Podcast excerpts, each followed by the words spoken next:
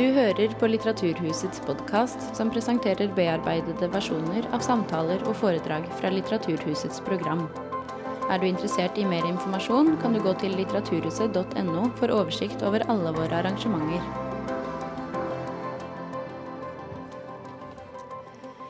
Kjære alle sammen, velkommen til Litteraturhuset og til denne samtalen om norsk aids-historie. Mitt navn er Madeleine Gjeddemetz, jeg jobber med programmet her på huset. Det norske vi var et annet før og etter aids, skriver Kjetil Slagstad i Det ligger i blodet, epidemien som forandret Norge. Boka tar for seg aidsens historie i Norge fra midten av 70-tallet til slutten av 90-tallet.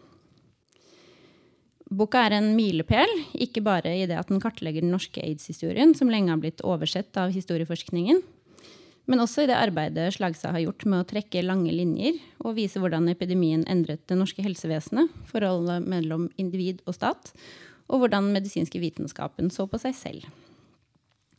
Det er et grundig arbeid, og det er heldigvis mange andre som har fått med seg. Og Det ligger i blodet ble også nylig belønnet med bokhandelens sakprosapris. Kjetil Slagstad er lege og historiker, for tiden ansatt ved, som postdoktor ved Charité universitetssykehus i Berlin.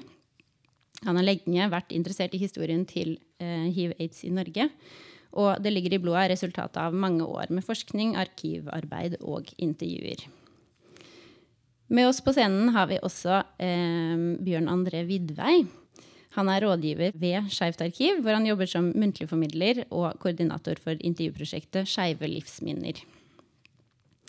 Og vi er også veldig glade for å ha med Jorunn Saatvedt Prusik eh, i kveld. Hun er en av de som har levd lengst med hiv-diagnosen i Norge, og var med på å grunnlegge organisasjonen Pluss, som er en av foreningene til Hiv-Norge. Hun skal etter hvert få fortelle litt om sin egen erfaring fra hiv-aids-miljøet og helsevesenets møte med de hiv-smittede på 80- og 90-tallet. Men aller først, ta godt imot Kjetil Slagstad og Bjørn André Bidvei.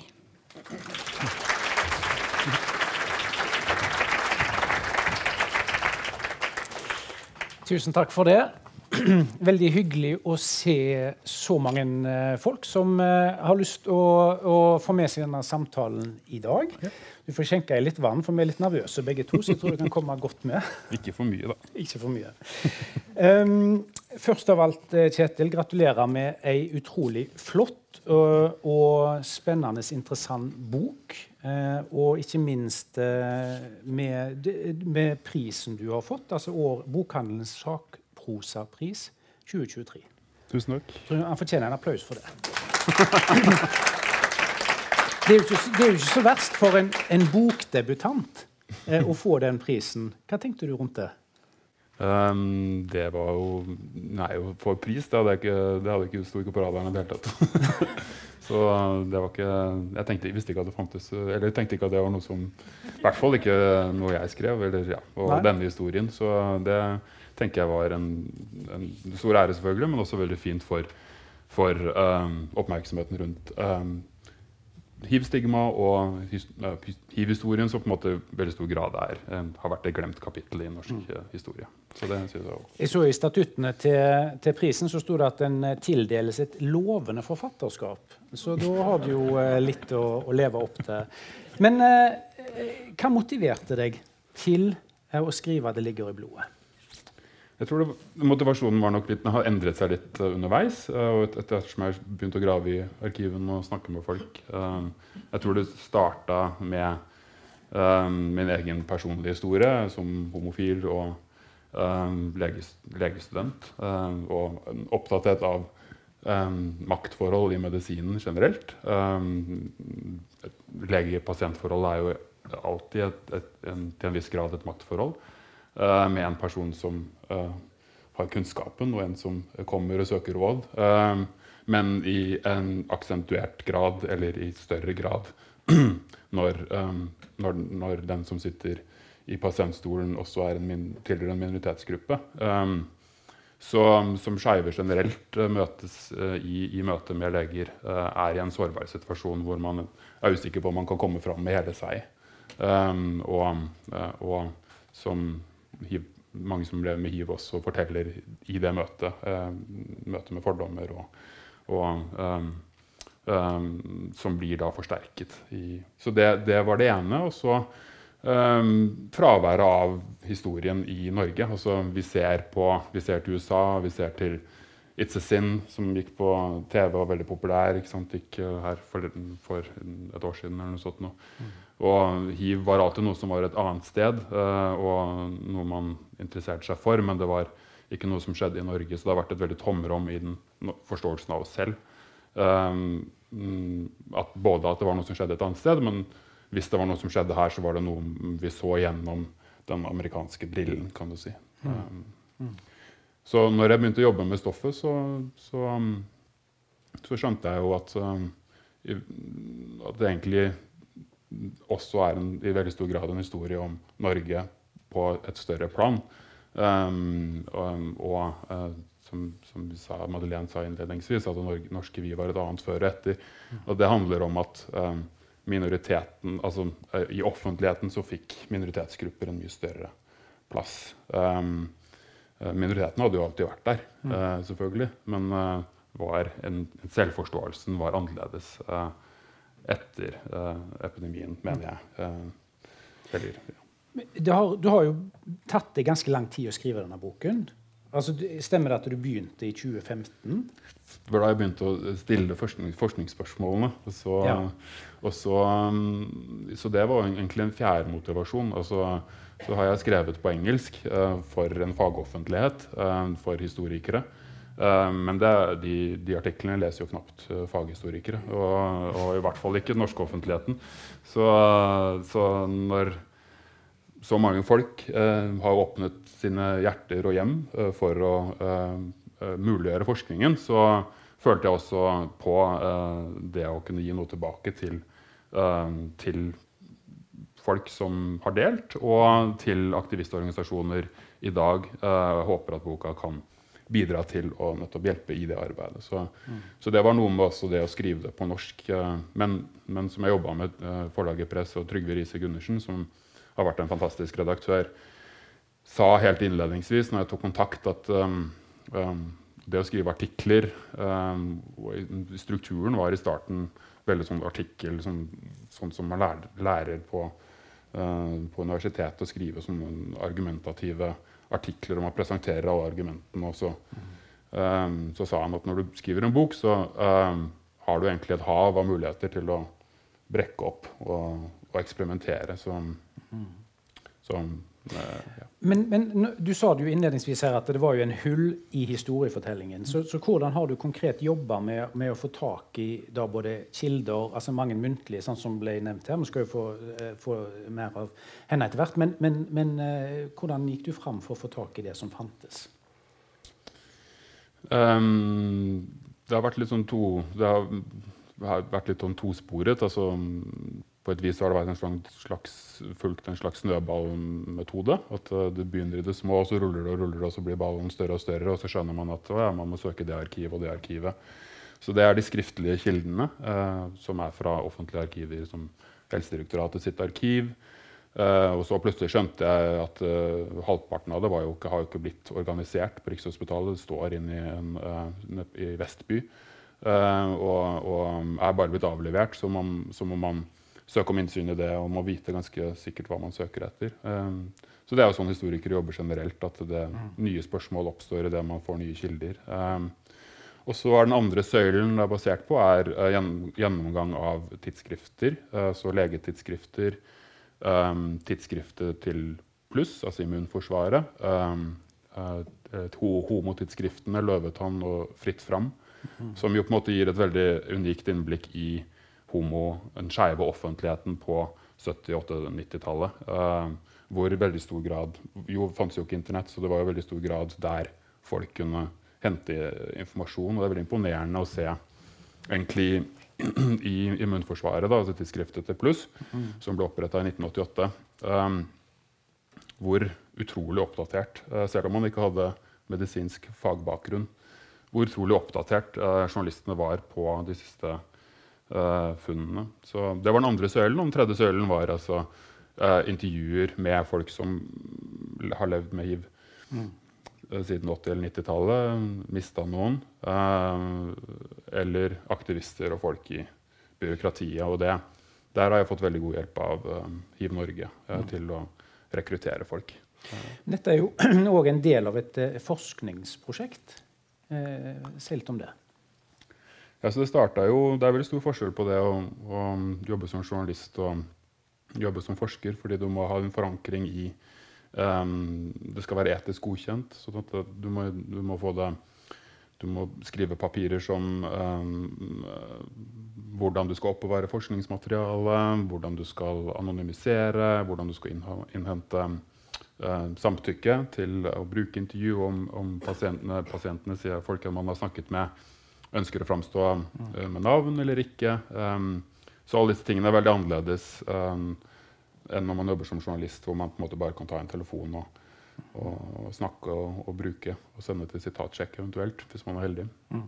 Det er litt interessant, Du sa jo det at dette er boken som, eh, som landet vårt mangler. Og akkurat nå så har du da liksom litt, for det kom jo òg en annen bok nylig av en som heter Pål Vegard Hagesæter.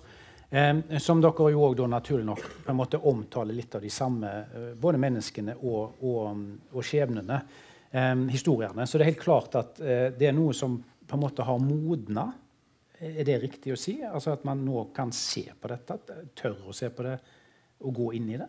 Mm, altså jeg tror nok det, det var jo også den podkasten på NRK. Eh, jeg tror dette er 40 år siden, eh, mm. januar i år, at den første aids-diagnosen ble stilt i Norge. var nok et moment. Det var ikke i mitt bakhode da jeg uh, begynte å se på dette i 2015. Uh, men jeg tror at det er en det er en ny generasjon av også historikere som ser på den historien med nye, nye, øyne. Også internasjonalt ser man det. At også i USA, hvor det har vært skrevet mye om hiv-aids-historien, er det en ny generasjon som er opptatt av at nei, men det er jo også grupper innad i minoritetene som på en måte ikke har fått sin historie fortalt, f.eks. For svarte um, i USA. kvinner har ofte blitt oversett i historieskrivningen. Um, sånn at um, det er interessant å se hvordan nye generasjoner av historikere også stiller nye forskningsspørsmål. Mm. Jeg, jeg, så det at Du har sagt at uh, du skal kunne lese denne boken uh, uten noen forkunnskaper om aids eller historie, og du skal samtidig ha glede av boken om du arbeider som historiker eller helsepersonell. Er det mange du skal tilfredsstille? Jeg føler Det er litt sånn, det er sånn man skriver når man søker penger hos NFFO. Ja, nettopp. Ja. Men, og det virker? Jeg vet ikke, du må, du må svare. Jeg vet ikke, Var det mange ord du ikke forsto? Eh, jeg måtte google litt, men det var kanskje mer for å liksom, For jeg ble enda mer nysgjerrig. På, på, på, noe av det jeg leste. Det var en kompis av meg som sa det at han syntes det var fint at uh, han sitter i salen bak der. Som sa at han uh, syns det var fint at, man, at, jeg bruker medisin For det er jo litt at jeg bruker medisinske begreper og så forklarer det neste setning. Mm. Uh, for det har vært litt viktig for meg at jeg også er medisinhistoriker. At, at jeg skriver også fra et medisinsk perspektiv. Um, fordi jeg mener at medisinhistorien selvfølgelig er den mest interessante uh, uh, innfallsvinkelen til livet. Uh, ja, det var jo selvfølgelig ironisk, men jeg mener at man forstår mye av samfunnet og livet gjennom, gjennom medisinhistorien. Ja. Du, du, sa jo innledningsvis her at en av måtene du tilnærmer deg stoffet på, handler om at du sjøl er homofil og lege. Um, og du skriver òg om uh, ditt første møte med en aids-pasient som du hadde under medisinstudiet. Ja, en hiv-positiv pasient. Unnskyld, hiv-positiv. Mm -hmm. um, uh, og du skriver da at eh, det var litt sånn omstendigheter rundt det, men at du hadde altså, behov for å røre ved henne for å vise at det var OK. Mm. Fortell litt om den konteksten som var når du sto der og, og, og var student. Ja, Det er jo så pinlig. ikke sant? Og så tenker jeg dette er jo så pinlig å tenke på i dag. Og så når det er så pinlig, tenkte jeg må jeg i hvert fall inkludere det i boka. uh, fordi uh, det var jo bare en pasient som var innlagt på Ullevål sykehus uh, fordi hun brukte rusmidler og mest sannsynlig enten det husker jeg ikke, men mest sannsynlig var innlagt for hepatitt C eller et bomskudd med en, en, en absess, altså en verkebyll. Um, og og det, men, men, legen var opptatt av også at vi måtte, skulle ha, snakke om det med hiv. Det var ikke, hiv var ikke i seg selv et tema for uh, behandlingen. Mm. Så um, det, det, var nok bare min egen frykt uh, som homofil og det å vokse opp med den kontinuerlige frykten som uh, handler om at man kan bli smitta. at den døden på en måte kommer inn på soveværelset, som man kan si. At det er med en nisse på lasset. Det er det mange som sier også, det som selvfølgelig i mye mer intens grad levde på 80-tallet og 90-tallet, hvor man ikke hadde behandling. Men jeg tror mange av mine venner også Jeg er født i 83, da, så 40 år i år. Um, så jeg var jo bare 13 år da kombinasjonsbehandlingen, altså livreddende behandlingen, kom i 1996. Um, allikevel fikk måte, den tidlige homofile karrieren farga av uh, nettopp det at sex og um, smitte er så, så, er så tett vevd, vevd sammen. Um, så det er interessant. Flere har snakket med som sier at det først er i, nå, med legemiddelbehandling, man vet at effektiv legemiddelbehandling ikke gjør, gjør, at man kan smitte andre, og innføring av PREP, at man kan ha, oppleve seksualiteten på nye måter. Altså um, at nytelsen på en måte blir, får komme mer i fokus. Mm. Vi husker jo alle disse her overskriftene. altså Jeg er jo litt eldre enn deg, så jeg var jo uh, uh, født i 75. Mm. Så jeg var litt større når dette her liksom uh, pågikk. Og jeg husker jo veldig godt disse her forferdelige overskriftene. Dødsmaskin, Eh, altså En levende dødsmaskin kjøpte sex av aids-hore. Altså det var liksom sånne, helt sånne grusomme ting. og Jeg husker jo jeg vokste opp og tenkte at altså når jeg var helt ung, så tenkte jeg at man liksom, fikk man hiv bare fordi man var homo. Altså Om det var noe som bare kom. For det fantes jo veldig lite informasjon på Karmøyene der jeg vokste opp. Um, så, um, um, så, så, så, dette har jo du òg sett på. altså Hvordan var opinionen i Norge når dette her eh, slo til? det, veld, det, er jo en dynamikk her. altså I starten var det jo ikke noe særlig uh, Det var ikke forsidestoff i det hele tatt. Da, da, de, altså, da, de, første tilfellene ble meldt i New York Times i, juli var det vel, juni 1981 uh, um, Rare cancer in 41 homosexuals. Mm. Um, så er det en liten notis bakerst i Dagbladet. Um, og så kommer det første tilfellet av aids i januar 1983. Men det er fortsatt ikke noe forsidestoff. Um, og det er et intervju med Hjalmar Sandøy, som var den første som sto fram. Uh, med, uh, det var jo ikke, man hadde jo ikke hiv-testen på det, det, tidspunktet, men han var innlagt med aids uh, på Vidovre utenfor København. Mm. Han var avistegner i Dagbladet. Um, det er egentlig det første møtet en norsk offentlighet får med en nordmann med, med sykdommen. Um, men det er ikke panikk. Panikken kommer ikke før med introduksjonen av testen, uh, og det kommer i 1985. Mm. Men, men, men, i begynnelsen også, var man jo altså Det var ikke bare en, altså en epidemi som rammet homofile. Det forsto man jo ganske, ganske snart. Mm. Eh, så, så, hvor, ja, både òg. Ja. Altså det var, um, man, I USA så opererte man med, the, four age, altså four ages, altså 4H. Hemophiliacs, uh, heroin users, homosexuals and Haitians. Ah. Uh, for man mente jo at haitianerne som hadde smittet uh, amerikanerne. Uh, og det er liksom fascinerende at de fire H-ene opererer man også med i norske retningslinjer i starten. Ja. Ja, litt sånn ureflektert, tror jeg. For det var jo ikke en veldig stor fare for at haitianerne skulle invadere Norge. Men, men, det er liksom de risikogruppene oppstår ganske fort. og etter hvert kommer jo sexarbeiderne. selv om det jo viser seg i etterkant at sexarbeidere var veldig, veldig liten, ble i veldig, veldig liten grad smittet. med mindre man også brukte uh, sprøyter sjøl. Uh, eh, og det hadde med en veldig lang praksis blant norske kvinner uh, som solgte sex, for å bruke kondom. Um, så det var i veldig stor grad en mediedrevet frykt. den der, 'jeg er en levende dødsmaskin som sprer død og gift', som det sto i Dagbladet. Um, var, jo, var i veldig stor grad drevet fram av tabloidavisene. Men, eh, men, også av leger og, og forskere ved Folkehelseinstituttet. Altså man ser hele tiden at Nå sporer jeg av fullstendig, så du får hanke meg inn igjen. Men, men uh, at uh, sex, den prostituerte, som man omtalte dem som, var på en måte alltid bare en smittebro over til normalbefolkningen. Mm.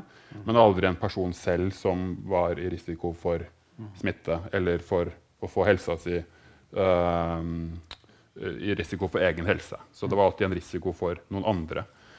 Um, men det var tilbake til disse risikogruppene? var det da? Nei. Jo, risikogruppene. Og så var det en annen ting som du skriver om at eh, når eh, denne sykdommen kom, så hadde liksom legevitenskapen endelig eh, klart å kvitte seg med infeksjonssykdommer. Liksom man tenkte at nå, nå, var det liksom bare fritt fram. Nå skulle alle bli gamle og liksom bli behandla for det, det, som gjensto, om det var høyt blodtrykk og, og, og, sånne ting. Eller, um, så, så, så, det må jo ha vært et sjokk når dette mm. kom inn i legeverdenen eh, så uventa, for det må det jo ha vært. Jo, man, tar, man, man, snakker jo om etterkrigstiden gjerne som the golden age of medicine. Altså, mm. I introduksjonen av sant, eh, eh, de første antibiotikaene kom på 30-tallet, sulfonamidene, og så kom penicillin eh, rett etter krigen. Man hadde antipsykotika, som kom rett etter krigen. Man fikk utviklingen av kolesterolsenkende midler, blodtrykkssenkende midler. Man kunne begynne å gjøre steril kirurgi. Man kunne Transplantasjonsmedisin. Det første hjertet ble transplantert i Norge i 1983. Mm.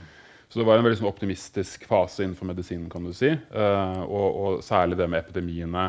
Uh, poliovaksinen kom, uh, eller polio ble erklært for utryddet i 1980 av Verdens helseorganisasjon. Sånn at epidemiene og infeksjonssykdommene var i veldig stor grad noe man tenkte var noe som tilhørte fortiden. og som du sier, det var på en måte de kroniske sykdommene, hjertesvikt, slag Eh, nyresvikt, eh, diabetes, disse tingene som skulle liksom være belastningen for helsevesenet. Mm. Uh, og så kom aids. Uh, Dette viruset. Man visste ikke først at det var et virus heller. Nei, det, var, det ikke. Mm. Og det var noen sånne interessante sånne forklaringer i begynnelsen til hvorfor det kunne være. Det kunne være, ja, det kunne være poppersbruk, det kunne mm. være at immunsystemet ble brutt ned av for mye påvirkning av sperm og sånne ting. Altså, mm, absolutt. Ja. Poppers er det for dem, for dem, som ikke er homo i salen, så er det altså noe man inhalerer for å, for å eh, øke ja, Avslappe uh, muskulaturen i endetarmen og, og stimulere uh, sexlysten. Men um, ja, så poppers altså det var, altså, hva var, ikke sant? Man hadde risikogruppene, var det man så. 41 homosexuals. Mm. Så hva er det som kjennetegner disse homofile. da. Uh, og uh, ok, de hadde, de hadde, mye sex, og de var mye det var liksom hundrevis av partnere ikke sant? Og, og, var mye ute på klubb. Man drakk kanskje mye, mye bruk av rusmidler. Mm. Um, og, og uh, men som du sier, altså, utsatt for liksom, var det liksom dette at, man, at kroppen lagde en slags autoimmun reaksjon mot uh, sæden til andre menn. Men det er jo sånn epidemiologer tenker. da, skal mm. liksom lage sånn, Når man skal prøve å liksom, trekke forbindelseslinjer, når man liksom opererer i det er det, det er det, som er liksom, det spennende med å være historiker. Når man hele tiden forsøker å forstå, prøve å sette seg inn i situasjonen til alt det som var uklart, alle de uklare årsakssammenhengene som var da. Ikke bare at man liksom bruker den kunnskapen vi har i dag, og, og forteller ut fra det. Mm. Så det var, um, det var liksom der uh, landskapet lå, både for uh, forskere, leger og i homomiljøene. Altså, det var den usikkerheten man var konfrontert overfor. Men det forklarer også, tenker jeg, hvorfor um, det er så lett også å bli etterpåklok. Altså sånn, uh, å si sånn Men herregud, hvorfor stoppa ikke dere bare å ha sex, eller um, Uh, og det, det, handler jo også om at uh, det veldig langt ut på 80-tallet var veldig uklart hva som var mm. smittemekanismene og, og, årsaksmekanismene bak utviklingen av sykdom, selv om viruset ble identifisert i 83-84 um, av en fransk og en amerikansk forskergruppe, så, så, tok det ganske lang tid langt ut på 80-tallet før man visste om det var en uh, tilstrekkelig altså Det var en nødvendig årsak, men om det også var en tilstrekkelig årsak til at man utviklet aids. At det også i tillegg trengte å ha dårlig kost. ikke sant? Så Derfor var jo det man ser, leser i Immunforsvaret, altså tidsskriftet til Pluss, hvor viktig det var å understreke godt kosthold, ikke sant? holde seg frisk, uh, unngå andre infeksjoner osv. Det, det er veldig slående. Um, den første med diagnosen i Norge, en som heter Jens Petter Ådal Helt kort, hva var hans historie?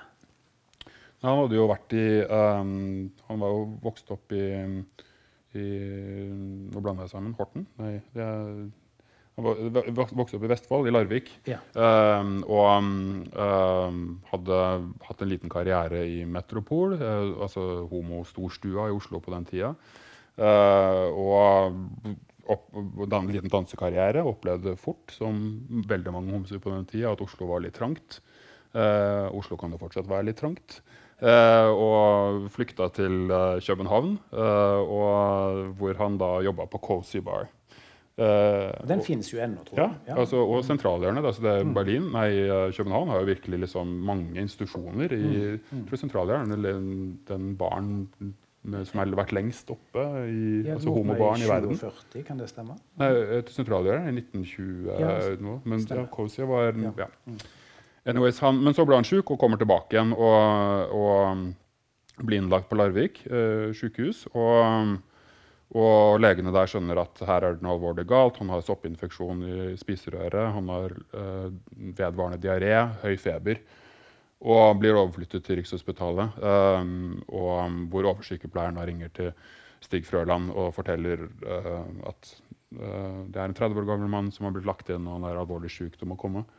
Uh, og han skjønner nok relativt fort at da har vi fått vårt første tilfelle av aids. For han har jo fulgt nyhetene fra USA. han var jo ekspert på, um, på immunsviktsykdommer. Um, og hadde begynt å jobbe med dette helt tilbake i 1967, da det immunologi, immunologilaboratoriet åpnet på Rikshospitalet. Mm. Og hadde jo også møtt Eh, det visste han jo ikke da, men Nei. møtt den familien som viser seg å være en av de første beskrevne familiene, tilfellene av aids i verden. Mm.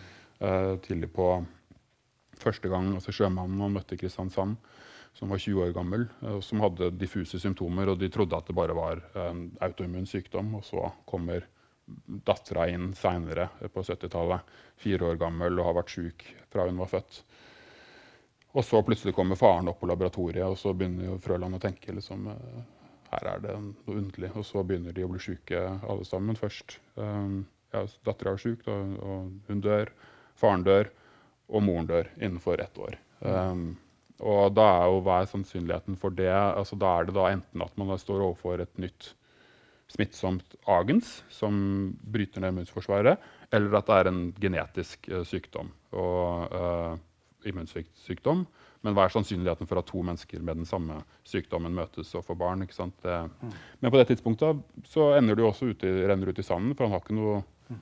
noen metoder for å undersøke Eh, hva det skal være. Så. Men han var jo litt forutseende, for han, han, tok vel vare på sånne vevsprøver og støpte ned i sånn parafin. For han tenkte en gang i framtiden så ja. kan man finne ut. Men, han sa han hadde samlemani, og, og, og, og, heldigvis på et vis så, så, var ikke personvernmyndighetene der så kunne stoppe han. Nei.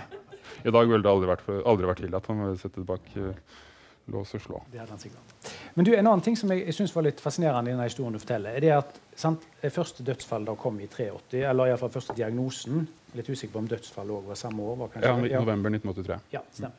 Nei, nei det, det, var, da døde han. Det første dødsfallet var i uh, august 1983. Ja. På Ullevål.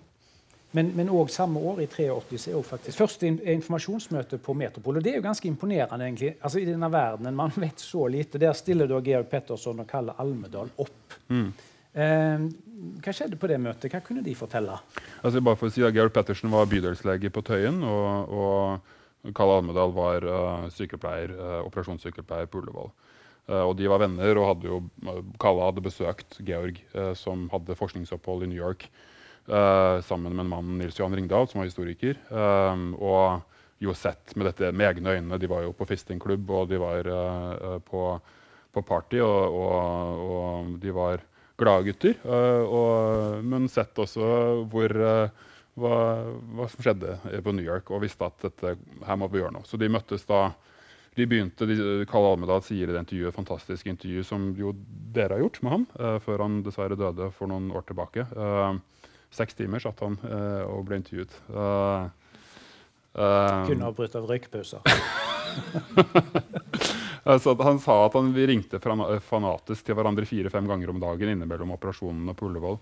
Uh, for det var det eneste som sto i hodet på dem. Uh, hvordan skal vi beskytte uh, hvordan skal vi få beskytte miljøene våre? og så møtes de da, jeg tror det var 4. 4. mars. Uh, for jeg prøvde nemlig å finne ut hva Når man skal skrive sånne, når man skal lage sånn populærvitenskap, skal man finne sånn, hva slags vær var det den dagen. Ja.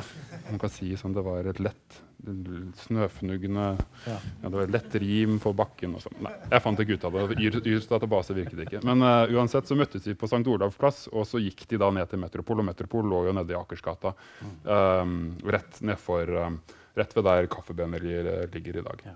Um, og så skulle de gå ned, og på veien ned så skulle de da planlegge hvem som skulle si hva. Uh, så sier uh, at du får ta uh, det, du får ta det forebyggende. Og så ler liksom Georg fordi det var liksom, de visste jo ingenting hva de skulle si. Så der sto de da på scenen og, og, og, og sa vel noe veldig generelt. Uh, og ble ikke bare positivt tatt imot heller? Nei, det var vel en lege som reiste seg og sa faen, skal ikke en sykepleier komme her og fortelle hvordan jeg skal knulle? Men, men, men, det er jo interessant at miljøet selv var såpass tidlig ute. Og så, skriver du òg et eh, kapittel om, om, disse lærguttene, lærmennene, SLM. Mm. De var liksom eh, veldig sånn proaktive her. Mm, det er jo veldig fascinerende. Altså, det er, for det er også en av de minoritetene innenfor minoritetene som har blitt skrevet ut av historien. altså fetisjmiljøene og lærmiljøene. Altså, det var jo også Den amerikanske historiefortellingen har vært veldig sånn, konsentrert rundt fine, altså, borgerlige, hvite homser i New York. Mens, uh, mens mer de fetisjmiljøene, det som måte uh, det som har brutt med det bildet, har på en måte blitt skrevet litt ut. Så det har vært viktig å få med det miljøet i boka. Um, og det er jo veldig fascinerende. Så den, SLM eksisterte siden 1977. Um, og de forteller hvordan de i nei, hvordan de var under oppsyn fra politiet. For de trodde jo at det var en gjeng med nazister. For de kom jo marsjert rundt i lær og, og militæruniformer. I, det som tok trikken ned til T-banen. Stortinget, Stortinget hadde akkurat åpna. Uh, eh, så de fikk også låne lokalene til Metropol, hvor de hadde fester. Um, men uh, de lagde altså SLM Info lagde informasjonsbrosjyrer allerede i 1982. Uh, hvor de rapporterte. og Det er jo også veldig diffust. ikke sant? Det er jo hva, Hvordan skal man beskytte seg mot noe man ikke vet hva er? Men det er jo fordi de opplevde at mange i deres liksom, miljø ble ramma. Nettopp. Ja. Så det var jo de første som døde, og de første som, eller første som ble smitta, og også de første som mobiliserte. Mm. Uh, så det har vært viktig å få fram. Mm. Og så var det jo, I begynnelsen her så var det jo ganske voldsomme anslag på hvor mange som skulle bli ramma av dette. Mm. Ja, ikke på begynnelsen, men på midten av 80-tallet. Ja. Og det var med testen altså, som, gjorde, som endret alt, egentlig. Fordi plutselig så kan man begynne å lage prognoser. Og prognoser er jo på en måte være en prognose. Det er jo uh, det var veldig interessant å følge koronapandemien også, når man får uh, Det er jo et forsøk på å se fram i framtida, uh, basert på noe som enten har skjedd i fortida, eller noe som er i nåtida. og og det var jo voldsomt De slo jo voldsomt feil, de prognosene. Men det verste fall scenarioet var jo 280 000 skulle smittes i Norge. og um, det var jo um, en veldig stor andel av befolkningen. Uh, det var vel rundt 4 millioner eller sånt, som bodde i Norge på det tidspunktet. Um, sånn at Det var jo helt åpenbart da at dette ikke lenger bare var en uh, epidemi som truet de 4H, eller risikogruppene, men også hele befolkninga. Um, og, og, Helsedirektoratet snakker om at det er vår tids største samfunnsutfordring. Um, det, det, ble gjort undersøkelser i befolkningen som gjorde at folk frykta aids mer enn uh, atomkrig. Så, og da får man all disse den frykten som er sånn, sånn oppslag om at mygg uh, Ta ikke hull i ørene. Uh, mygg kan gi deg aids. Du kan få aids. Kan jeg få aids på uh, toalettsetet? Ja. Alle sånne, ja. Mm. Noen som hadde rensa sprøytene i toalettrullen på et offentlig toalett. altså sånne ting. Ja. Men du får også voldsomme forslag til sperrede minne på reitegjerdet. Uh, ja, altså, og så òg et forslag om en tatovering i lusken. Mm. Det er jo ganske interessant. Mm. Det var jo ikke uh, hvem som helst som foreslo det heller. Nei, Biologiprofessor Nils Kristian Stenseth. Mm. Poenget var ikke å henge ut han, men poenget var at det var uh, folk med dyp innsikt i sine fagfelt. Som, men det var kanskje ikke aids og smittemekanisme var kanskje ikke hans fagfelt, men det var altså folk som hadde veldig prestisje i samfunnet, mm. uh, som, som, tok til orde for det. Uh, også på en måte overleger på blodbanken og, som, som, tok til orde for å sperre inne på Reitgjerdet. Og, mm. og, psykiateren på Reitgjerdet svarte at kanskje heller det er overlegen på blodbanken som skal sperres inne. Men, ja. Så det var jo uh, Og dette her med folk liksom i, i, i posisjoner Det var jo òg en, en, en, prest, eh, Bjørn Bui, sogneprest i Stavanger, som hadde en, under en høymesse sa at dette var Guds straffedom for et liv i synd. Rett og slett. Altså mm. man da på en måte la ut, eh, og, og, dette måtte man da på en måte eh, sitte og høre på. Mm. Og, og, det var jo ikke enkelttilfeller, fordi biskopen tok jo heller ikke avstand fra det. sånn at um, Det sier jo noe om hvor vanskelig det også var um, for homofile um, i uh, altså Åpen kirkegruppe hadde blitt, vel blitt starta var det i 1977, husker jeg ikke akkurat, men på slutten av 70-tallet. Um, 76, ja, 76, nettopp, ja. Og det var jo veldig veldig vanskelig for uh, dem å finne uh, menigheter eller kirker, lokaler, hvor de kunne bruke for å, for å holde gudstjeneste. Men, men uh, du snakket litt eh, innledningsvis her om altså Du legger din egen personlige erfaring til grunn for, for, boken. her, ikke sant?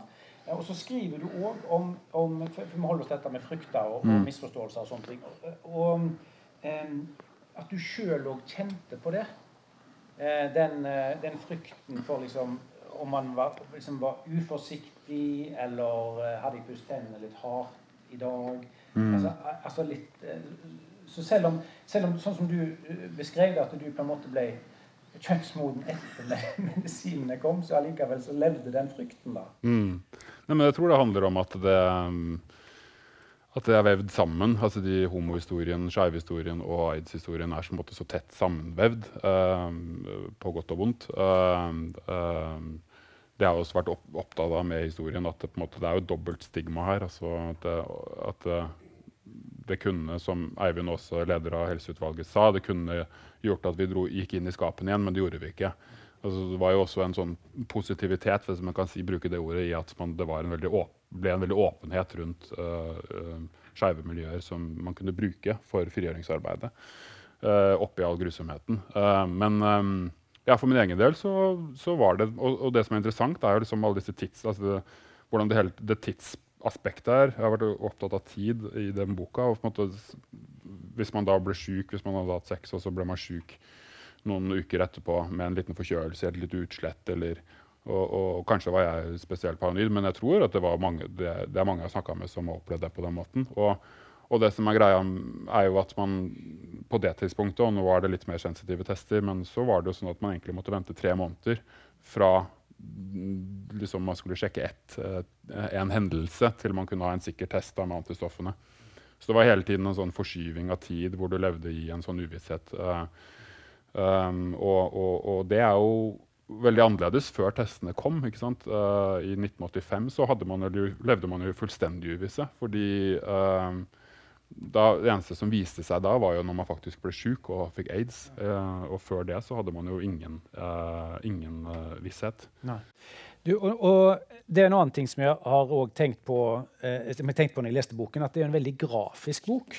Altså, Du har jo virkelig ikke spart på detaljer når du beskriver hvordan eh, altså et, et, menneske kan utvikle, denne, altså, utvikle aids og, og, og uten behandling. Eh, og også rikt illustrert med bilder. Mm. Altså, dette er jo et valg du har tatt. Mm. Eh, hva tenkte du bak det? Nei, Redaktøren min var litt, han, han sa sånn, han sa, ble så skvetten hver gang han så de bildene. Ja, for de er virkelig Ja, ja de er jo ganske brutale. Ja. Det er litt sånn, jeg, jeg var litt engstelig for at det skulle være litt sånn Sånn som legestudent som sitter på T-banen med sånn veneriske sykdommer. Sånn, sånn atlas. Utrolig usexy. Ja. Uh, Veldig eh, intellektuelt, da. men uh, nei, det, det, er jo noen veldig grafiske bilder der, og jeg beskriver det. Men det, det, var, et veldig, det var et valg bak det, og det var at um, det, var, det er jo bilder av Kaposi sarkom. da. Mm. Uh, som er denne hudkreften som utvikler seg til sånne blå, blå uh, fiolette nøster. Og, og, grunnen til det er at det, er en, det spiller en så stor sentral rolle i uh, aids-historien fordi det er så mye stigma knyttet til det. Akkurat som det var en slags byllepest som kom tilbake igjen til samfunnet. Mm. Uh, det var det ene. Og det andre om at det er så lett å glemme kroppen uh, i, uh, når man skriver historie. At man holder på på et sånn politisk, strukturelt plan, men dette er jo i veldig, veldig stor grad kropp.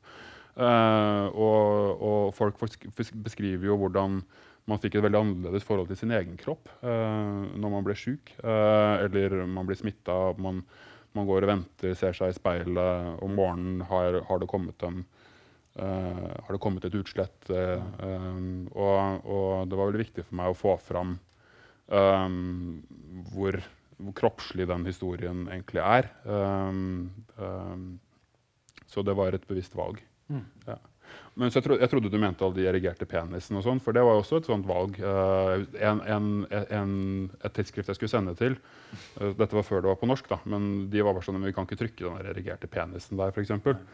Så tenkte jeg sånn, men det var jo, altså, ærlig talt, dette artikkelen handler om hvordan uh, aids-aktivisme har blitt skrevet ut av historien, og så skal du liksom liksom reprodusere den der uh, ja, utskrivingen? Jeg er jo yrkesskadd, for jeg jobber jo på Skeivt arkiv, så det er liksom alt materialet vi har, det, du blir helt sånn Jo, men sånn er det jo. Altså fordi, for eksempel, Vi kan snakke litt kort om det. Disse her uh, informasjonskampanjene som var jo virkelig altså i Norge Altså, vi har jo hele, hele, plakatsamlingen, alt det digitalisert opp på nettsidene våre til disse informasjonsarbeidet. Og det var jo, eh, De smalt jo, de. Ja, og det er veldig godt spørsmål. Så spurte man liksom, kunne man trykke det i avisen mm. i dag. Bare som Vi tenker jo at vi sånn, å, vi er så mye mer frigjort i dag enn vi var på. Det tror jeg ikke. Tror ikke heller. Det hadde ikke gått i dag. Det. Men du um, uh, Hvis vi ser på det tilbake nå altså Denne epidemien altså, um, Virkningen har hatt på det norske samfunnet. Um, la oss begynne med helsevesenet. Mm. jeg tror at Altså På forskningsfronten så mener jeg at det har en, en, veldig viktig betydning med inkludering av brukerperspektivet i utvikling av, av studier. Altså, du kan ikke bare liksom, sitte der og gjøre studier der nede. Du må på en måte aktivere Du får en egen type kunnskap ved å snakke med dem det gjelder. Uh, og det kommer i veldig stor grad med aids-epidemien. Uh, uh, men også i hvordan man snakker om seksualitet og, og og um, i helsevesenet. Uh, det er det flere leger som også sykepleiere som sier at vi hadde jo ikke noe språk for å snakke om det uh, før det kom. Altså det var på en måte, det var sånn privatsfæren, og så plutselig man, uh, er man tvunget til å snakke om det. så det tror jeg har vært noen av de viktigste endringene i helsevesenet. Innenfor um, aktivistmiljøer og, og, og, sånne ting, da. hva mm. tenker du rundt det? Jeg tenker at det, det er lett når man vokser opp som skeiv i dag, å glemme alle de som, alt det arbeidet som er gjort før. Uh, og, og, i veldig stor grad i hvor stor grad det springer ut av aids-epidemien. Man tenker på at ok, man hadde Rådgivningstjenesten for homofile, som kom fra 1977, men det spilte en veldig viktig grad stor, stor rolle i, i møtet med aids-epidemien på Oslo helseråd. Uh, du fikk Helseutvalget for homofile, som kom i 1983. Uh, du fikk Pluss, som kom i 1988, som gikk sammen med Landsforeningen mot aids og ble til Hiv Norge. Um, men også sant, DNF48 og Arbeidsgrupper for homofil frigjøring, altså de to homoorganisasjonene. Uh, også, det var jo ikke direkte av foranledning til aids, men det var i det samme tids, tidsrommet at de gikk sammen og ble til Landsforening for lesbisk homofil frigjøring. Sånn at det er veldig, liksom Hele institusjonsapparatet i det skeive institusjonsapparatet er på en måte farget av og grunnlagt i veldig stor grad pga. aids. Uh, Um, så, um, men også måten å snakke om seksualitet og identitet på. tenker jeg. Altså fikk en, det ble veldig viktig for homoorganisasjonen og, og det å dyrke homofil identitet som et forebyggende tiltak. Altså, uh, De så at de mennene som var mest utsatt for smitte, var dem som ikke hadde en forankring i homomiljøene. Som ikke hadde identitet som homofil eller bifil, men som bare hadde sex med menn uh, i buskene på Frognerparken eller i, på toalettet på Tøyen.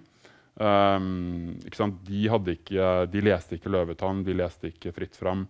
Uh, de uh, fikk ikke informasjonsmateriell. sånn at det å styrke identiteten var veldig viktig, og samtidig utvikle et språk for praksis som ikke gjaldt uh, identitet. Nettopp derfor man kom opp med begrepet 'menn som har sex med menn', for å kunne snakke om praksiser uavhengig av identitet. Så jeg tenker at det er, det som Både praksis og identitet er egentlig ganske interessant hvordan det er en oppvekst uh, gjennom aids-epidemien. Mm. Du sier Hiv Norge, så har vi med på Skjevt fått arkivet der som òg er ferdig ordna og tilgjengelig. Det brukte du òg kanskje litt i, eller, i din, i din uh, jobb her. Forskning. Eh, nå skal vi eh, ønske velkommen til scenen eh, ei dame som heter Jorunn Prusek. Velkommen. Kom opp. Du kan få en applaus på veien du gjorde. Eh, vi har med snakket, snakket, veldig mye om, så nå kan vi jo snakke litt med. Eh, du skal få lov å sette deg her borte. Eh, for du har jo òg blitt eh, intervjua i boka eh, som en av de eh, få kvinnene. Eh, eh, du testa positivt i januar 85. Ja. Ja. Hva visste du om hiv den gangen du fikk den beskjeden? Jeg visste ingenting. Eh, Jeg visste det lille vi leste i avisene fra USA. Og det var jo hovedsakelig homofile, som var en gruppe jeg på en måte ikke tilhørte. Så det Det var jo litt det du sa, at man kan ikke beskytte seg mot noe man ikke vet hva er. Nei. Så, og jeg var rusmisbruker, så ikke fikk vi tak i regnesprøyter. Og ikke visste vi da at hiv var noe som også kunne smitte oss. Så det var veldig vanskelig. Og du fikk jo eh, Du testa jo positivt da eh, midt i den liksom da, kanskje vanskeligste perioden, litt som vi snakket om her, på en måte med, med hvordan samfunnet tenkte rundt dette. og eh, altså, Hva tenkte du sjøl? Altså, jeg gikk til legen og testa meg fordi jeg dro ut av byen for å bli nykter på egen hånd med en kompis, hvilket skar seg ganske fort, men dog, da. Jeg gikk nå til legen for å ta en sånn helsesjekk. Sånn sjekk meg fra topp til tå, for det var lenge siden jeg hadde gjort. Og da tenkte vel denne legen at da tar jeg en sånn De kalte det for HT11-3. Ja. En HT11-3-test tar jeg på deg. Ja, ja. Ta alt som må tas, sier jeg bare. Jeg reflekterte ikke over at det hadde med, med den epidemien jeg hadde lest om i avisene. Og så går det en uke, og så får jeg da beskjed om å komme ned på legekontoret. Dette var på bygda. Altså jeg dro ut av byen på bygda, så dette var jo en bygd, bygdelege. Og så sier han at han trodde det var noe feil med prøvene, så han måtte ta en blodprøve til. Og da begynte nok det å skje noe i hodet at jeg tenkte Var nå det sant, da? Da begynte jeg liksom å tenke at eh, det, det kunne være noe eh, annet. At, at den var positiv. Er det nå bare homser som kan få det? Og begynte å tenke blod, og det er jo blodsmitte hom- homser får da også. Eh, Så da begynte jeg å bli litt engstelig. Og så ble det tatt en ny blodprøve, og så gikk det bare noen dager, og så fikk jeg den. Da var jeg i byen igjen, da. Og da ble jeg innhenta av en helsesøster som ville ha meg til fylkeslegen da i den kommunen jeg bodde i da. Men når du da fikk bekrefta dette, er det, er det riktig å si at det var en dødsdom du fikk? Ja, jeg må jo si det, at jeg følte det. Ja. Mm. Ut fra det lille jeg hadde lest og, og sånn da, så følte jeg vel det. Jeg var 24 år. ja. Og ja, jeg følte det. Og du ble jo, du fortalte meg at du ble ufør over telefon automatisk. da. Ja, Det må du fortelle. Jeg søkte ingen uføretrygd. Jeg fikk det over telefon fordi det var greit å ha litt Fordi man ble svak på dødsleiet, forklarte hun meg. Som om en 24-åring kanskje ikke skjønner det, så kunne hun forklare meg det. Da Da blir man veldig svak, og det var greit å ha litt på dødsleiet. Så jeg fikk innvilga en uføretrygd. Men, Så eh, jeg tror ikke man får det i dag, altså. nei. Men allikevel så bestemte du deg ganske raskt for at du skulle være åpen. Rundt din situasjon. Hva var det som gjorde at du turte det? For det krever jo en, i, altså den gangen ganske mye mot. Krever baller. Ja, rett og slett. Balls. Nei, jeg bestemte meg for det. jeg, jeg tror kanskje at eh, vi i det miljøet jeg tilhørte, følte at ikke vi hadde så mye å tape, som kanskje andre uh, som etter hvert ble mine kjente og venner av homofile, eh, hadde mer å tape, kanskje. Altså miste sexpartnere osv. osv. Jeg vet ikke om det var det. Men jeg jeg hadde en familie, ikke bare kjernefamilie, men jeg hadde en stor slekt som var glad i meg, brydde seg, var veldig fortvila fordi jeg var heroinist. Uh, prøvde å gjøre alt de kunne for meg. Uh, så jeg begynte nok da å tenke nå må jeg gjøre noe. Men når jeg fikk det her, så tenker jeg jo som så at eh, nå dør jeg allikevel. Nå dør jeg ikke av stoffet, nå dør jeg av denne sykdommen. Uh, men jeg valgte i hvert fall å være åpen, for jeg husker jeg gikk rett ned på Jeg bodde i Drammen. Gikk rett ned på Bragernes torv. Jeg hadde et par dager på uh, Drammen sykehus hvor de tok noe utvida prøver og noe greier. Men der ble jo ikke jeg så lenge, da. Gikk jeg ned på Bragernes torv, og så sa jeg til de som jeg rusa meg sammen og bekjente og sånn, at jeg har fått det her uh, viruset. Dere må gå og teste dere med en gang. Mm. Jeg husker sånne toalettmapper i mitt skap og, og, rundt på forskjellig hvor folk bodde. Hvor vi var og janka. Jeg husker folk hadde toalettmapper med utstyr i, sprøyter i. Fordi det var ikke sprøyter å få tak i. De sprøytene vi hadde, måtte vi bruke om igjen. Mm. Jeg hadde bil og førerkort, og det var jeg den eneste som hadde, i hvert fall i mitt miljø, som jeg kjente. Jeg husker vi kjørte fra fylke til fylke og by til by. Så kom vi kanskje på et apotek hvor, det, hvor du så at det var en omsorgsfull ekspeditrise som følte litt med oss. da. Som kanskje solgte oss en hundrekartong, og det var jo Fått tak i 100 sprøyter, liksom. Men ellers så var det utrolig vanskelig. Så det spredde seg jo i det miljøet. Og noen gikk og testa seg fort, og noen turte ikke. Noen mm. venta, som i homomiljøet. Men jeg valgte i hvert fall det, da. Du sa jo, du sa jo det at uh, Altså veldig uh, krevende tid. Du, skal, du, sier at vi bar hverandre til grava. men visste jo ikke hvem som skulle bli nestemann. Ja, jeg bruker å si det, for det er det jeg følte vi gjorde. Uh, det var utrolig mange begravelser, og etter at etter 88, hvor, vi, hvor Pluss kom til, så, så, var ikke jeg ansatt der. Uh, jeg ser flere her som er det, men jeg var ikke det. Men jeg var frivillig i Pluss. Mm. Og jeg reiste på noen foredrag og litt info og sånn. Og, og av den grunn så hendte det jo at vi ble spurt kan du representere oss i den og den begravelsen. Mm. Og noen ganger var det jo nære venner og bekjente også.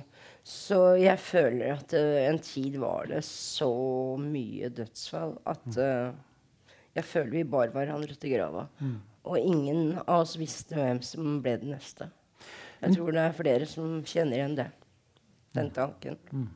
Og så er jo du da en av disse her eh, sånn langtidsoverlevere, som det vel kalles, som mm. av en eller annen grunn da aldri utvikla noen sykdommer. Og hvordan altså, hvordan tenker man på det? For det har vi jo hørt forskjellige historier. Noen har en sånn overlevelsesskyld, nesten, mens andre igjen mm. altså, Ja, det var nesten en tid hvor du nesten kunne ja, Ikke, ikke dårlig samvittighet, men det var litt sånn Hvorfor? Hvorfor jeg, og hvorfor du? Mm. Altså hvor én ligger og dør. Du sitter og holder en i hånda på Ullevål mm. og, og teller ned. Og så går du sjøl ut. Det er liksom sånn ubegripelig. Og jeg, jeg vet ikke Jeg levde ikke sunt. Nei. Jeg stakk sprøyter i kroppen min. Jeg aner ikke hva vi kan jo spørre legen og forskeren. Ja. ja. Hvorfor er det sånn at vet man det? Hvorfor noen bare ikke utvikler sykdom, mens andre hadde en veldig kort vei? Uh, det, nei, jeg tror det handler om fysiologi og biologi. Altså i stor grad om hva som er forutsetningene i immunforsvaret. Og, og, så det handler ikke om type virus, eller? Nei, det var en type, særlig en type virus som spredte seg i Norge. Så mm, ja, okay. det fins ulike typer ja, virus, ja. ja det gjør det. Men uh, det, jeg tror nok ikke det er det som er forklaringen. Uh, men uh, jeg syns det, det, er fint det du sa, det med åpenheten i rusmiljøet. Og jeg tenker at at, var, at, at, man kunne være åpen om det, og at noe homsene kunne lært av. Altså, også, ja. altså, det var jo et veldig stigma innad i homomiljøet på den tida. Det var det. det, var det. Jeg husker jo Jeg hadde bekjente som kikka seg tre ganger til høyre og tre ganger til venstre før de gikk inn. Og vi hadde kode da på døra hvor vi måtte si måneden vi var i for å komme inn. Og da var det sånn Nick Hausers gate, liksom sånn. Om du kunne gå inn, om de turte å gå inn. Mm. Og jeg følte jo det veldig befriende å bare gå inn. Men jeg følte veldig med de som syntes det var så vanskelig. Mm. Det må jo være forferdelig vondt. Mm. Uh, og jeg kjenner jo mange i dag som var blant de. Mm, jeg vet ikke om, om, også det å hadde noe å si at jeg, at jeg valgte å være åpen og at det hadde noe å si for å greie å overleve. Ja.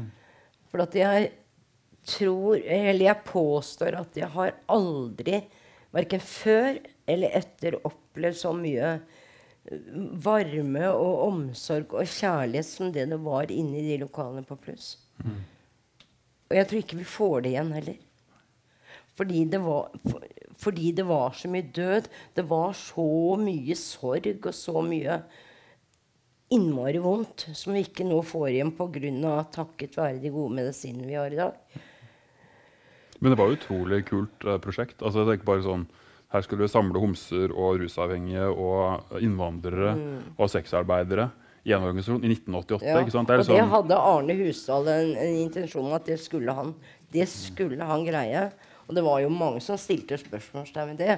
Åssen i all verden tror du at du skal få til det? liksom? Men det er jo interseksjonalisme i praksis. altså ja, Lenge ja. før liksom, akademikeren oppe på Blindern begynte å interessere seg for det. Så husker jeg det var noen på et møte som sa hore. Her! Hva sier vi? Han trampa jo, han ble så sinna, for vi kaller det jo ikke det. Vi skal ikke stigmatisere hverandre. For her er det sexarbeidere, her er det ikke rusmisbrukere, her er det rusbrukere. Han var veldig opptatt av hva vi kalte hverandre, da. Mm. Uh, for vi skulle, vi skulle, ikke stigmatisere hverandre. Og det var jo riktig, men det jo, kunne være lett å glemme seg bort. Hvis har han gått og sagt det i mange år, så så vi måtte jo reflektere over hva vi sa, åssen vi, vi omtalte hverandre. Nei, jeg, jeg, har ingen forklaring på hvorfor jeg og andre lever, men, uh, men jeg pleier å si at det er også en sannhet med modifikasjoner at Ja, jeg, nei, jeg har ikke hatt aids, men jeg er i dag 62 år, og jeg kan ikke si at jeg er frisk, uh, selv om jeg ikke har aids. Så, så, eh. så, det å leve med virus i så mange år har en ja. virkning tross alt på eh, De trodde på et tidspunkt at jeg også hadde kaposis. Mm. Jeg gidder ikke å brette opp buksene. Det er mange som har sett det. Jeg har masse sånne blå flekker. Eh, som i sin tid så veldig For jeg har sett kaposis på andre og trodde det var det. Og har arr etter det. Eh, og legene trodde det, og jeg trodde det. Og, men det var ikke det, da. Men det er liksom sånn at jeg ser ut som jeg har skutt på med hagle. Mm. Altså etter arra, da. Det, det, gjør ikke noe vondt nå, da. Det er jo det minste. Men man har jo andre helseutfordringer i dag som, som på en måte Noe er kanskje pga. hiven, noe er kanskje aldersbetinga, noe er ja. Og så har du da hatt en lang reise og til slutt endt opp i ja. bok. Jeg har dessverre ikke fått lest den, for jeg fikk den i dag. Du fikk den i dag, Men da vet du iallfall hva du kan gjøre i kveld. Ja. Um, uh, takk for uh, at du uh, var med her i dag. takk for oppmøtet til publikum. Og da er vi kommet til veis ende. Um, og takk til, til Kjetil. Um, takk til deg. Tusen takk. takk til dere.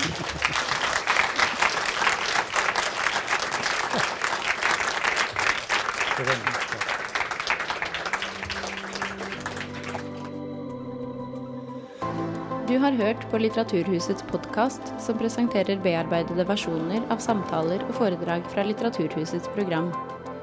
Del gjerne podkasten med familie og venner via iTunes eller Soundcloud om du liker det du har hørt.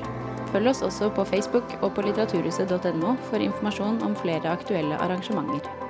Musikken er laget av Apotek.